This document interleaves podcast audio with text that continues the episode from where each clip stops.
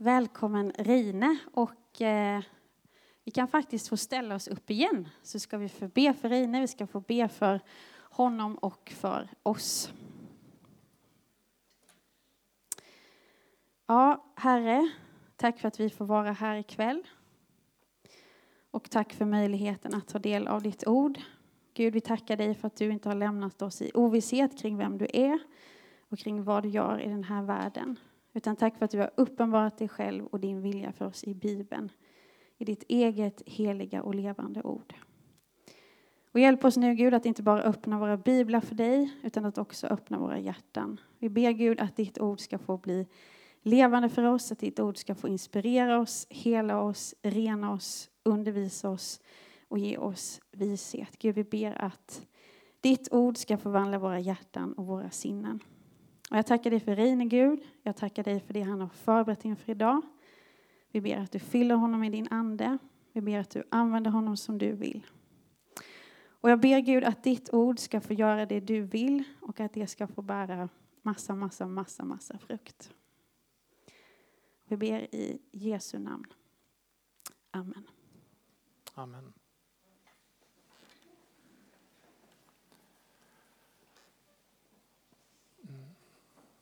Mm, tack så mycket för att jag fick komma. Jag är med eh, som präst i Eket, om ni vet var det ligger. Eh, det visste inte jag innan jag kom till Örkelljunga. Eh, men nu vet jag det. Eh, alltså, jag ska inleda här och berätta vad som hände på en missionsresa som jag var för inte jättemånga år sedan.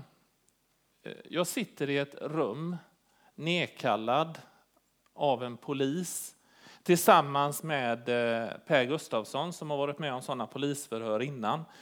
Det är helt mörkt och det är väldigt trångt och jag personligen då har eh, en åkomma som heter klaustrofobi. Eh, så redan det var extremt jobbigt. Vi är i Tunisien och det är förbjudet att dela evangeliet men vi har gjort det ändå. Och då har vi hamnat i polisförhör. Per Gustafsson han har suttit i många sådana polisförhör i Ukraina Eh, och då brukar han bli så trött på de förhören så han brukar spela byfåne. Det har inte, jag vet, byfåne, använder det ordet här i Skåne? Det är en som inte är som vi andra tror att vi är. Eh, och det gör ju det att polisen tröttnar ju på honom där vi sitter och jag tror ju att Per har fått solsting. Så att nu vänder sig polisen mer till mig på dålig engelska och börja ställa klara frågor då som jag svarar klart på då, varför vi berättar om Jesus och, och varför, varför, vi håller på så här. Och jag svarar klart då. Men jag ber också, för jag vill egentligen hem och se på tecknat med min fru på tv. Eh, överhuvudtaget är det en väldigt jobbig situation, men jag ber inombords. Gud, nu får du lösa det här, för det var du som kallade mig ut i det här. Eh, och rätt som det är så, den lilla ljuset som är, det försvinner helt. Eh, jaha, var det bönesvaret? Det blir helt kolsvart där nere i källaren då. Och så hör jag hur det ringer och så svarar han på telefonen, den andra då, det låter ungefär så här, alach, malach, malach. Eh, och så säger han så här, eh, my officer said that we, eh, we can eh, send you out. Och då går han med en cigarett i en glöd, med en glöd, så vi följer cigarettglöden. Eh, genom långa trånga portar och jag kanske tror att det här kommer eh, sluta väl. Och när vi väl är ute då, utanför så inträffar följande. Att polisen då som har hört mitt vittnesbörd, eh, varav byfånen har följt med mig, han står också bredvid då. Och nu är vi på utsidan och du gör den här polisen som aldrig har hört evangeliet troligtvis, utav någon västerlänning, frimodigt säga att vi, vi kommer berätta om Jesus. Han tittar åt höger och sen tittar han åt vänster och så säger han så här, please give me a Bible. Varav jag hade en bibel faktiskt att ge honom. Eh, och det var för mig en bekräftelse på att i de mest svåra omständigheter så bryter det igenom. Men det här är inte det värsta jag har gått igenom som har med evangeliet att göra. Eh, men när vi lyder, går i tro, så erfar man andlig kamp men också Herrens närvaro. Ett genombrott, ett resultat. Jag förstår att ni ska följa Jona bok, så jag får ju börja där då. Och Jona han verkade i 800 eh, till 750 år före Kristus, och det skildras hur Gud kallar honom. Och jag har fått äran och glädjen att ha inledningen. Jona bok är för övrigt den första bok som jag läste när jag kom till tro när jag var 16 år gammal. Och jag läste igenom den i ett streck, vilket kanske, kanske inte är så imponerande, men ändå. Eh, det här räknas som en missionsbok. Och det är ju logiskt, för han sänds till andra människor som inte har hört om Gud. Så här, så här inleds den. Herrens ord kom till Jona. Bryt upp, bege dig till den stora staden Nineve och predika mot den, för dess ondska har kommit upp inför mitt ansikte. Budskapet alltså, bryt upp ifrån där du är Bege dig till och predika. Bryt upp ifrån där du är, bege dig till och dela evangeliet. Och det här ligger ju väldigt nära Matteus 28. Gå därför ut och gör alla folk till lärjungar, döp dem i Faderns, Sonens och den helige Andes namn. Lär dem att hålla alla bud som jag har gett er och se, jag är med er alla dagar intill tidens ände. Det har ju samma anda, det har samma budskap. Och Det finns flera uttryck i Bibeln. Och Ett uttryck som vi lätt kommer ifrån, det talas om trons lydnad. Lydnad vill jag se, inte offer, vad vi kan göra för Gud. Alltså, Jesus har redan gjort allt för oss. Och det enda vi behöver göra det är att ta emot denna gåva, vad Jesus har gjort för oss. Och så är det ett uttryck att vila i nåden, men inte somna i nåden. Och vila i nåden och sedan leva ut det här som vi har fått gratis och berätta om det för andra. Både av tacksamhet och i lydnad. Paulus säger så här. Guds nåd, Guds favör är att jag är där jag är. Men den nåden har inte varit overksam. Alltså det, allt det här jag har fått är Guds nåd. Men den har inte varit overksam. Den har inte fått mig att somna. Och han säger rent ut, jag har arbetat mer än de flesta. Det finns en förklaring till att de som har ställt till det mest för sig oftast är de som Gud kan använda mest. Det finns en förklaring till att de som har riktigt kört huvudet i väggen, att det är Gud som kan använda dem. För att de vet att det är nåd. Och att det är den nåden som verkar som en värme, som en vilja, som en tacksamhet. Att gå ut och göra det som Gud har kallat oss att göra. Att förmedla det vidare till andra. Alltså när vi har fått grepp och förståelse vad Jesus har gjort för oss. När vi har förstått hur förlorade vi var utan Jesus och hur lite vi kan göra för att förtjäna vår frälsning. Så föds hos kristna, speciellt sådana som har varit med ett tag, då föds en positiv rastlöshet. En positiv brand inombords att ska jag sitta här länge till? Ska jag höra en undervisning till? Det föds en positiv, att man måste gå ut med det här. För när vi lyder, går i tro, så kommer det en andlig kamp.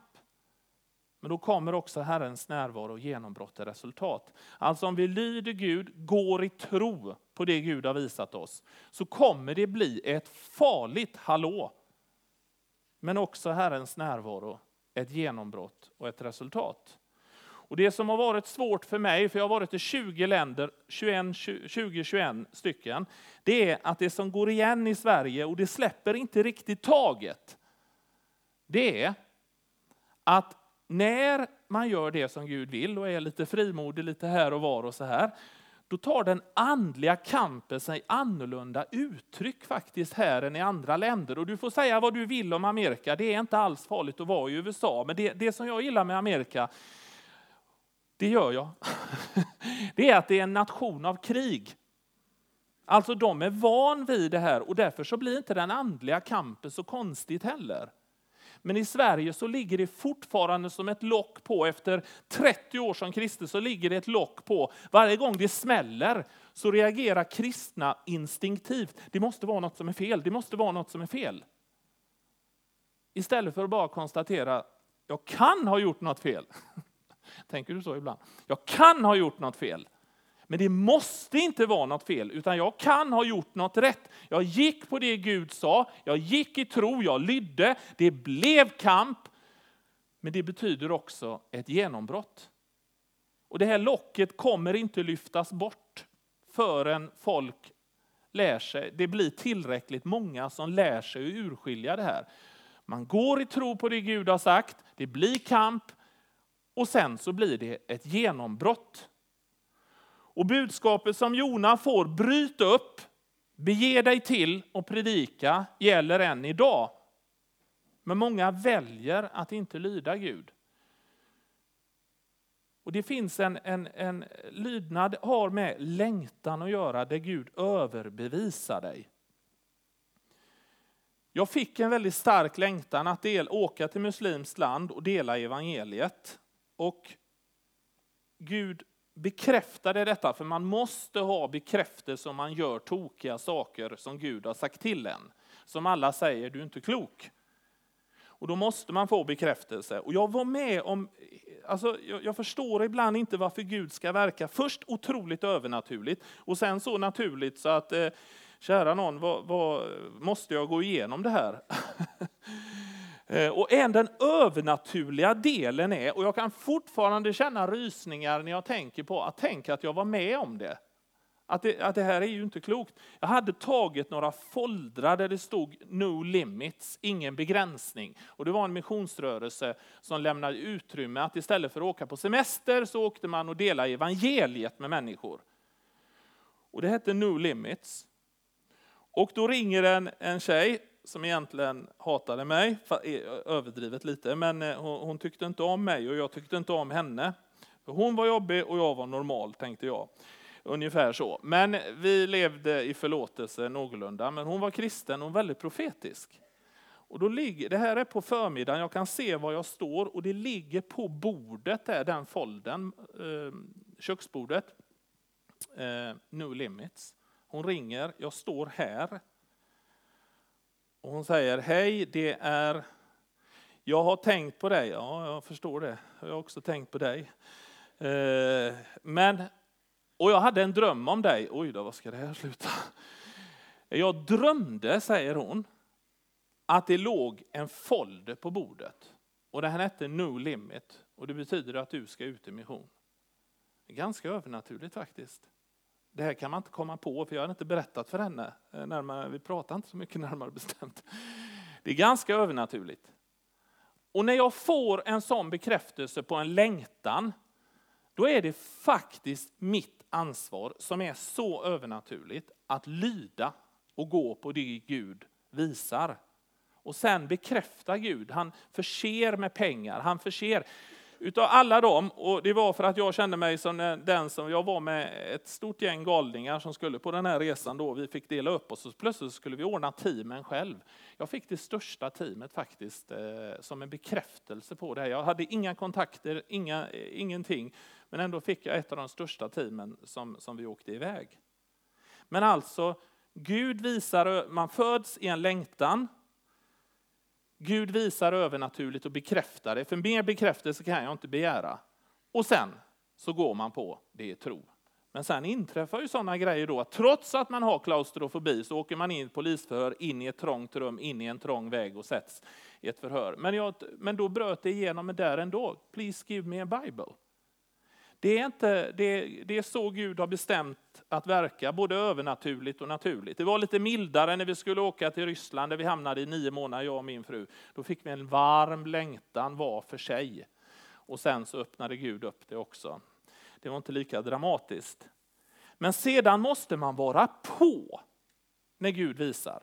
Alltså vakna till lite. Och det här är det som kallas lärjungaträning. Och det här kan man inte sitta och studera sig trött på, utan man måste vara på.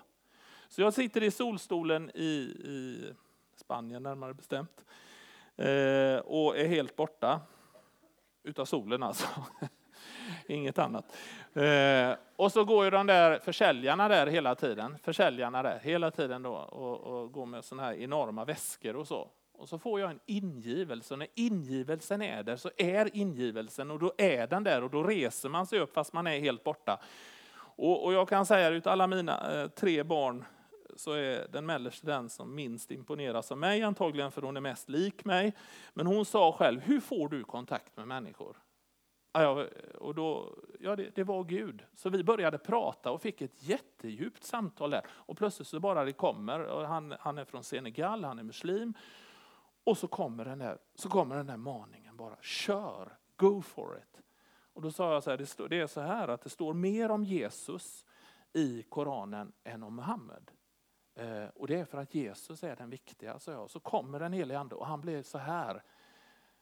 Och så ska jag berätta för er att jag tror solstolen hade hållit mig lite för länge. Jag tappar frimodigheten.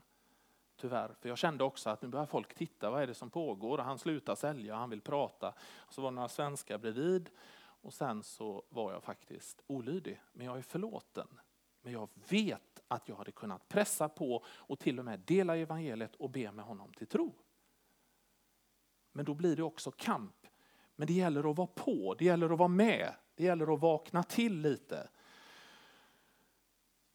2009 så hade jag haft en längtan väldigt länge, under många år, att få vara med och se eh, det här med det som kallas kampanjmission. Och då kan man inte sitta och säga så här, nej men jag måste åka inom EFS, eller jag måste åka inom Svenska kyrkan, eller jag måste åka inom ELM. Utan då får man ta det som erbjuds. Gud älskar allt sitt folk, inget är bättre, ingen är sämre. Det är Jesus som är i centrum. Och då fick jag möjlighet att åka med Gå ut mission. Och de har haft kampanjmission där under många år och startat många församlingar. De gör det alltid tillsammans med alla kristna. Och vad som händer det är att eh, jag får en möjlighet att åka med och plötsligt så får jag ett sånt här stort team som jag skulle ta med mig igen. Och jag får med mig en hjärtläkare eh, av någon anledning. Jag kommer till han hjärtläkaren snart. Eh, och så får jag med ett gigantiskt stort team som en bekräftelse. Det stämmer, det är riktigt. Och Rickard han kliar sig i huvudet också. Han undrar hur vi skulle få ihop det här. Man brukar inte åka så stora team. Vi fick med allihop. Och det första kvällen när vi skulle ha kampanjmission så strömmade in människor. Och så var det eh, massa lyktor uppsatta. Och de har aldrig hört evangeliet personligen. Eh, och då så eh, kom ju stormen då. Och det, då, då kommer han säga, det är bara för jag är med. Det är bara för jag är med. Och det börjar falla ner lampor och grejer. Och, så att, eh, och, och, och Rickard han har varit med så många gånger så han, han, han fortsatte ändå. Men till slut så fick vi avbryta mötet. Och så kände jag så här, det var mitt fel. Eh, jättekonstigt. Men eh, det var, det var inte mitt fel, det var stormens fel. Men det var återigen den här kampen. Men sen andra mötet så, så, så bekräftade Gud ordet när man delar evangeliet. Gud bekände sig till ordet precis som man gör på gator i Sverige också. Och människor blev helade i mängd. Mängder av människor blev helade ifrån cancer, ifrån hudsjukdomar. Eh, och mängder av saker hände. Och det gjorde det att Rickard var ju tvungen att börja, så jag fick ha sista mötet. Eh, och sista mötet så, så, så är det så mycket folk så att vi får knappt plats. Och när jag står där uppe och gör den där inbjudan och se, inbjudan till människor efter att ha delat evangeliet eh, att ta emot Jesus. För det är bara så att det, det, det är det som gäller när man är på kampanjmission. Då hör jag den helige ande. Kommer du ihåg vad jag sa till dig? Kommer du ihåg var du är nu någonstans? Jag är rädd, jag är orolig, jag är rädd att folk ska trampa sönder. Och ändå talar Gud, för han verkar så övernaturligt och så naturligt i en absurd situation. Och det var jag som kallade dig och jag ska fullborda här. Och den kvällen så tar tusen människor emot Jesus som aldrig har gjort det förut ifrån muslimsk och hinduisk bakgrund. För Gud bryter igenom, men det börjar inte bra. För när vi lyder, går i tro, så kommer andlig kamp. Men också Herrens närvaro, genombrott och resultat. Men det här är inte det värsta jag har gått igenom med evangeliet till människor. Paulus pratar om dörrar. Paulus pratar om dörrar vid fyra tillfällen. Och en så säger han så här, Gud har ställt en dörr öppen för hedningarna att höra evangeliet. Det betyder alltså att han hamnar i situationer där det är helt öppet och Gud har gjort det kanske för någon har bett under många år. En annan dörr handlar om det Paulus säger att Gud har öppnat en dörr för honom. Sen så kommer en dörr. Och det, jag vet att ni, ni vill inte att jag ska säga så här, ni kan titta på det bibelordet om ni vill. Jag säger gå hem och titta på det. Kolosserbrevet 4.3, för det är vad några behöver höra här. Läs Kolosserbrevet 4.3, för det säger Paulus så här, en nyckel till all evangelisation.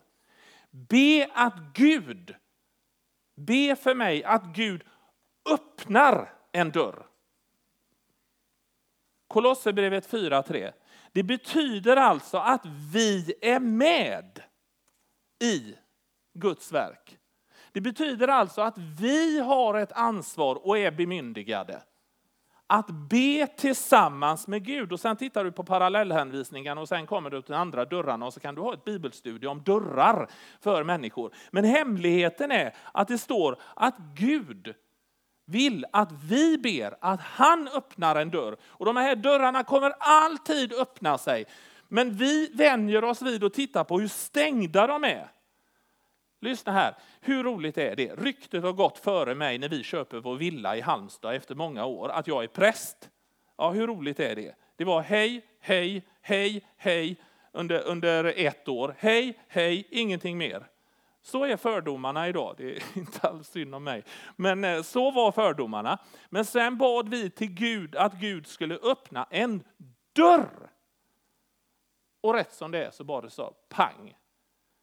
Jag, jag ska inte överdriva, men vi är, inte, vi är ganska mycket favoritgäster där. Och de älskar oss, det är skönt för en gångs skull. Eh, och det, det, är kräftfest, och det, det, det, är eh, golfspel och sommarspel och det är adventsfest. Och det är hela tiden. För Gud öppnade en dörr. Och jag, jag presenterar evangeliet när jag vill, utan att de höjer på ögonbrynen. Men vi fick vara med och be att Gud öppna en dörr. Men det var vår dörr. Det var vårt ansvar. Och det kan vara så stängt ibland så man hittar ju inte till det här.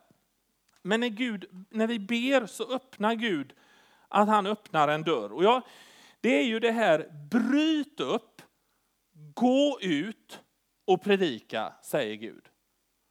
Och jag vill verkligen säga, alltså, för, först har Galenskaparna, de gjorde en underbar, underbar parodi, för jag kom därifrån, Körn. Då, var det, då var det, gjorde en jätterolig parodi om någon som skulle ta steget ifrån Åstol, hoppas ingen är därifrån nu, en liten ö utanför Körn. Och så har de en världens, han ska ta steget och åka till Körn. Ja, det tar fem minuter med en båt att köra över från Åstol. Och de gör det här precis så roligt som man kan göra det. Och det är så härligt när de, när de driver om det. Att det var ett stort steg för han att åka ifrån Åstol till Körn. Och så har de en sång om det, man kan se den på Youtube. Då. Och det, det är, liksom, är man därifrån så är det underbart. Jag tror och ser det alltså, för att man, man ser vad de får fatt i. Och jag tror att Gud vill utmana var och en av oss. Att om det är stängt så ber man att Gud öppnar en dörr. Och det, det är liksom inget fel att åka epatraktor. När man är 16. När man är 17. När man är 18. Men det är klart, när du är 20 då och så har du hoppat på din civilingenjörsutbildning och den klarar du alldeles utmärkt. Men varje fredag, varje lördag så åker du epatraktor i Örkelljunga centrum. När du är 30, vet du vad du gör då? För du har inte hittat någon dörr att gå vidare. Du sköter ditt jobb utmärkt. Du tjänar enorma pengar, du ger till missionen och alla är glada. Men varje fredagkväll, varje lördagkväll så sätter du dig i epatraktorn. För du har inte hittat någon möjlighet mer. Nu har du kepsen bak och fram också. När du är 35 så kommer faktiskt tidningen och gör ett reportage om dig. Civilingenjören, 35 år gammal, varje fredagkväll och varje lördagkväll så åker du epatraktor med kepsen snett bak och fram.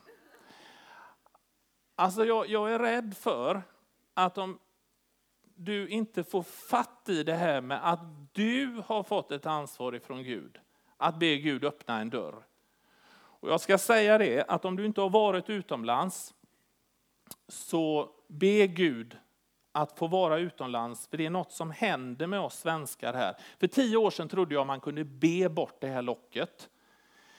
Men det, gör, det, det funkar bara att man går i tro.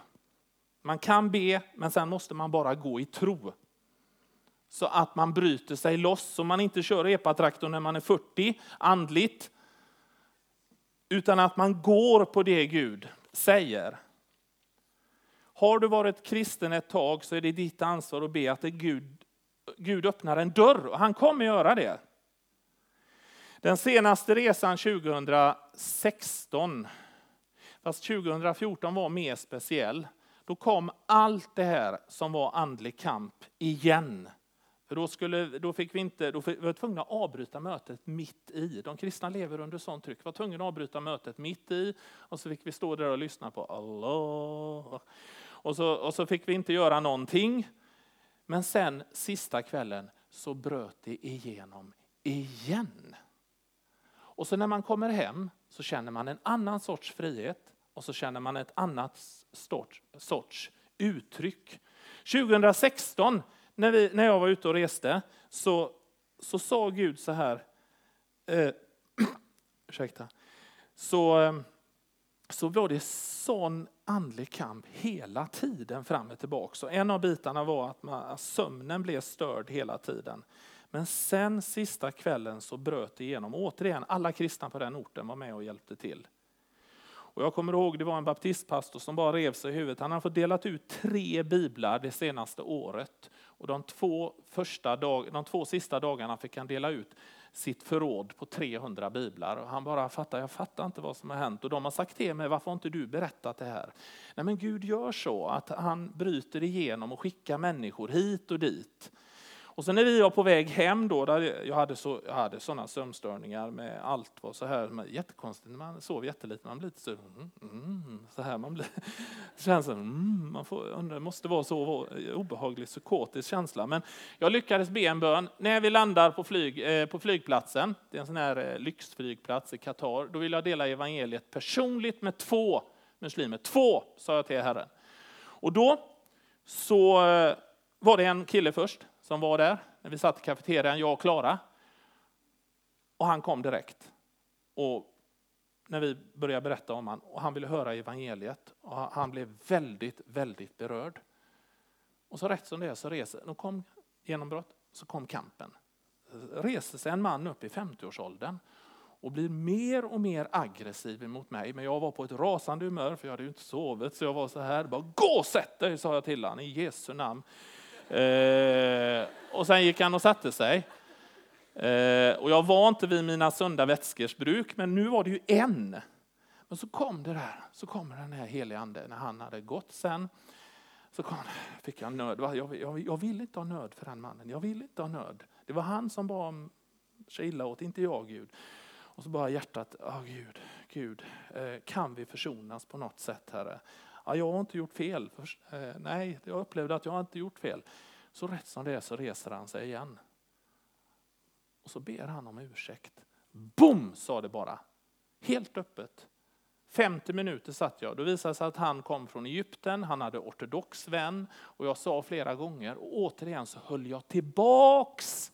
Jag skulle varit ännu tydligare. Varje gång jag sa så här, din ortodoxa vän ber för dig, sa jag, så ryckte han till. Och sen fick vi dela evangeliet och så fick jag be för honom i slutet. Och så var det nummer två. Så sa Klara, så varför är du så evangelistisk? Nej, för att jag ber att en dörr ska öppna sig, sa jag till henne. Men det här är inte det värsta jag gått igenom i mission. Vad är då det värsta? Vill ni höra vad det värsta jag gått igenom? Mm.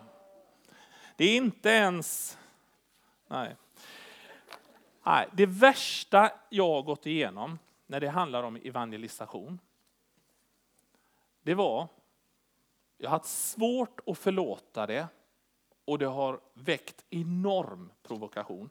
Det är när det är dubbelt så många människor. Och jag hade varit uppe och hållit ett, eh, dubbelt så många människor som det är här idag. Jag hade hållit ett kollekttal för mission. Vum, sa det, för människor gillar att ge till evangelisation och mission. Och då går en förhållandevis känd förkunnare upp och förödmjukar mig inför allihop och säger så här, varför varför ska man åka över hela världen när man kan evangelisera här i Sverige? Och så tryckte han till då.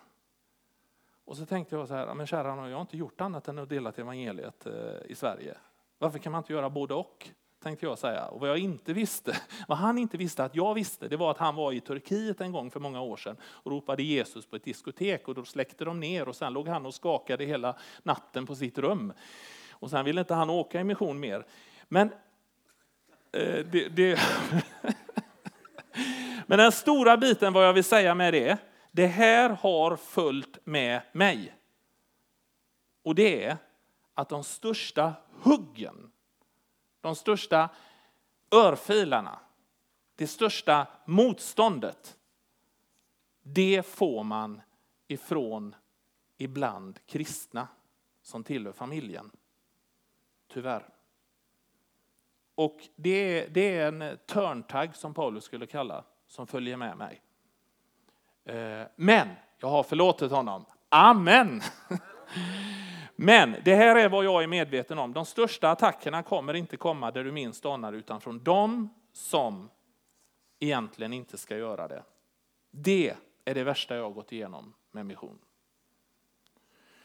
Mitt budskap, budskapet ifrån Herren till oss är fortfarande bryt upp, bege dig till och predika. Och du kan göra det här och du kan göra det där, men du har ett ansvar att Gud öppnar upp en dörr.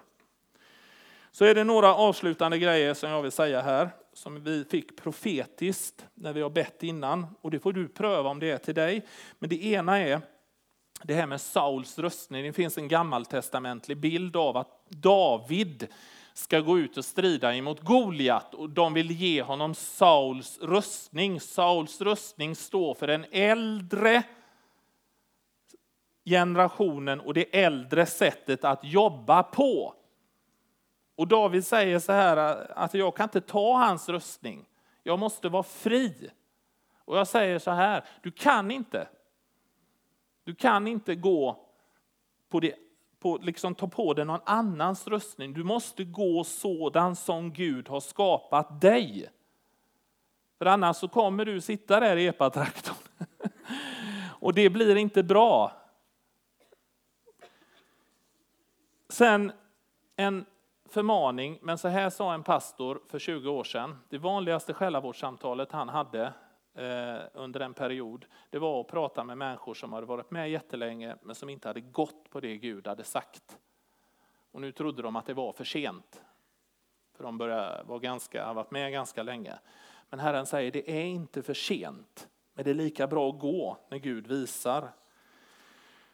Och sen det sista, det är glappet. Och det här, är, det här kanske gör lite ont, men, men Gud kommer öppna en dörr för dig. Men det är ett väldigt stort glapp.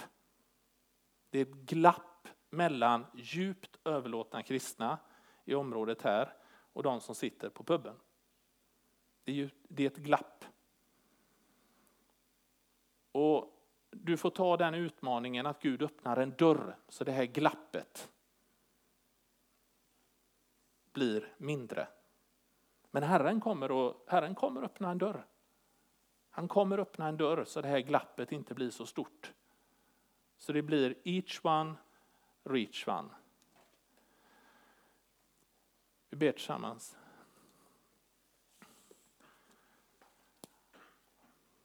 Herre Jesus Kristus, jag tackar dig för att du säger till oss att vi ska gå i tro. Och även om vi erfar kamp så ger du ett genombrott. Du säger till oss, bryt upp, bege oss till och dela evangeliet. Och jag tackar dig för dem som du kallar idag, som du har lagt en brinnande längtan. Herre, tack för att du kommer förse och uppfylla den längtan. Fader, jag ber att du ska öppna upp dörrar. Öppna upp dörrar för människor, Herre.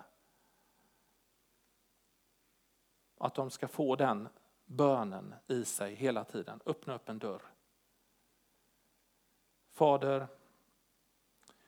det ber jag dig om i ditt namn. Jag tackar dig Herre för att du har redan svarat på vår, min bön Herre. Det här är en bön efter din vilja. Och jag ber också för dem som inte har tagit emot Jesus som sin personliga frälsare. Jag ber att de ikväll ska göra det Herre, för idag är frälsningens dag. Den som har dig har livet Jesus och du är det eviga livet, det viktigaste av allt.